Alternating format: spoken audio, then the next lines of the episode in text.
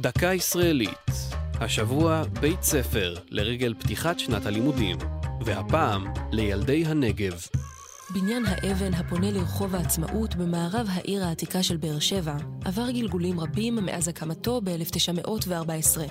הממשל הטורקי בארץ בנה אותו כדי שישמש בית ספר במתכונת פנימייה לילדי הבדואים בנגב. אולם עם פרוץ מלחמת העולם הראשונה, הוחלט להסב אותו לשימוש הצבא העות'מאני, והוא תפקד במשך שנים כבית חולים. בתום מלחמת העולם הראשונה, עם כיבוש באר שבע בידי צבא בריטניה, חזר הבניין לשמש כבית ספר לשנים ספורות. אך דור שלם של חיילי צה"ל, אלה ששירתו בדרום לאחר מלחמת העצמאות, הכירו את המבנה דווקא כבית החייל.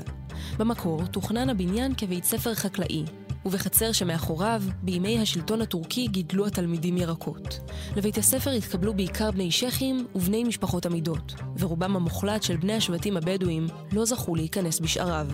הבניין הדו-קומתי, בעל גג הרעפים והכניסה המרשימה ובה שלוש קשתות המובילות לאולם המרכזי, הוא כיום חלק מפארק קרסו למדע.